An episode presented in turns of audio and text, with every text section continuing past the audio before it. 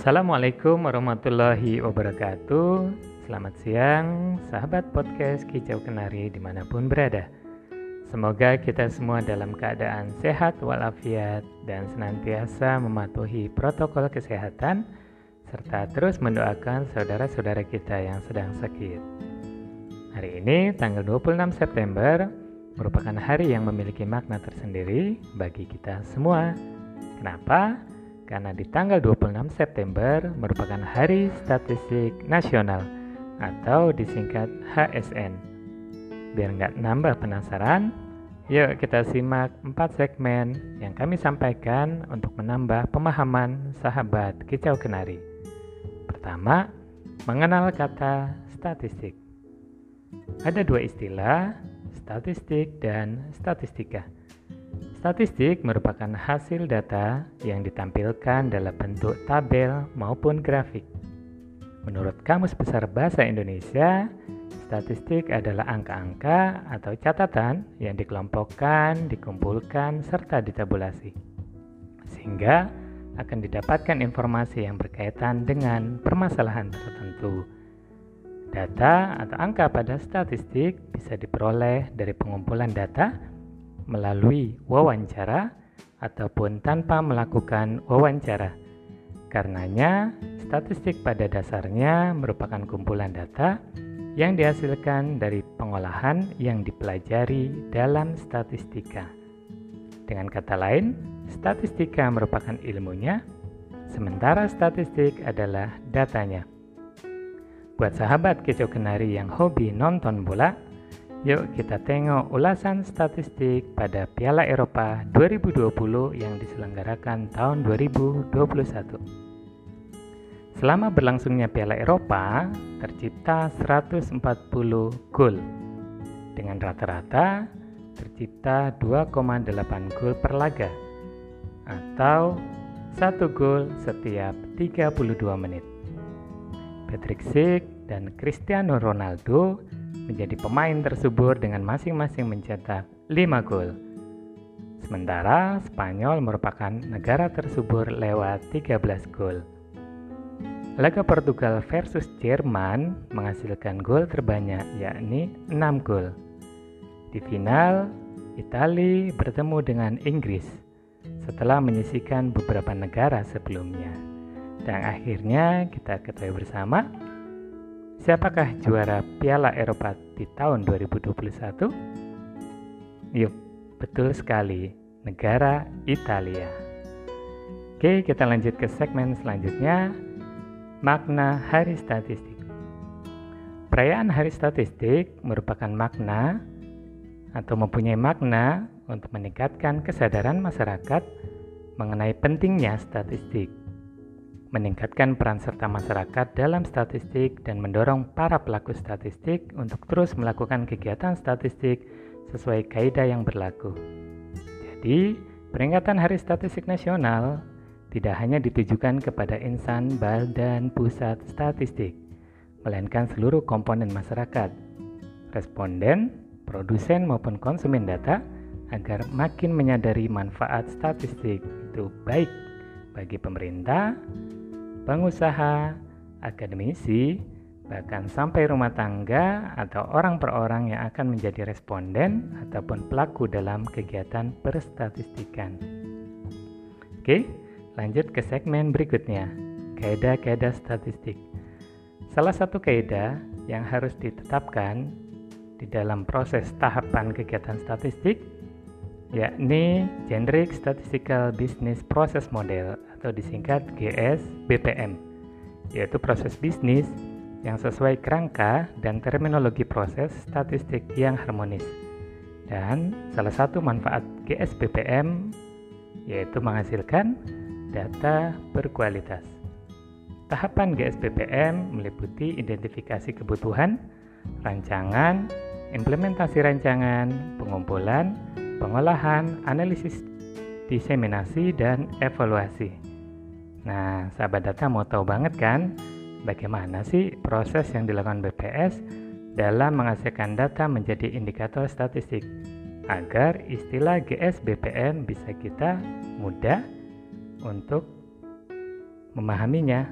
Oke, kita mulai ya. Nah, ibarat sebuah restoran di sisi kiri dan badan peserta statistik BPS di sisi kanan. Oke, kita mulai ya. Sebagaimana restoran yang mempunyai koki yang akan menyajikan makanan yang lezat dan siap disantap oleh pengunjungnya, demikian pula halnya dengan BPS. BPS juga melakukannya dengan menyajikan indikator statistik dasar. Sebelum memasak, koki akan belanja terlebih dahulu baik ke pasar maupun ke swalayan. Begitu juga dengan BPS. Sebelum menghasilkan indikator, BPS akan melakukan pengumpulan data melalui sensus atau survei ke rumah tangga atau non-rumah tangga, seperti perusahaan atau lainnya. Setelah membeli bahan masakan, jangan lupa untuk membersihkannya ya. Nah, demikian juga sebelum pengolahan data di BPS akan dilakukan pemeriksaan terlebih dahulu agar data yang dikumpulkan terhindar dari yang namanya kesalahan di lapangan. Ketika memasukkan bahan masakan, nah ini proses ini merupakan gambaran ketika BPS melakukan pengolahan data. Nah, di dalam proses memasak tentunya ada tahapan mencicipin masakan.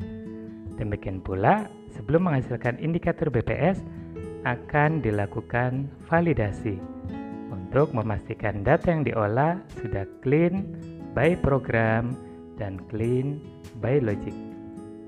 Setelah proses memasak selesai dilakukan, saatnya menyajikan masakan.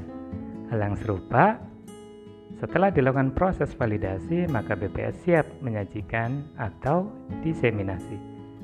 Penyajian data tentunya harus disajikan semenarik mungkin ya, baik dalam bentuk berita resmi statistik, tabel, infografis, dan sebagainya. Oke, sahabat podcast Kicau Kenari, apakah ada yang belum pernah menyimak website resmi BPS Kota Blitar? Baik, akan kami sampaikan website resmi BPS Kota Blitar dapat diakses di blitarkota.bps.go.id atau blitarkota titik bps titik go titik id atau id. Di sana berbagai data yang mungkin saja sahabat data perlukan telah tersaji ibarat menu masakan yang siap dipesan. Namun, bila sahabat data membutuhkan layanan konsultasi data, bisa request ke nomor WhatsApp 0812 4922 6969. Segmen terakhir, secara Hari Statistik Nasional.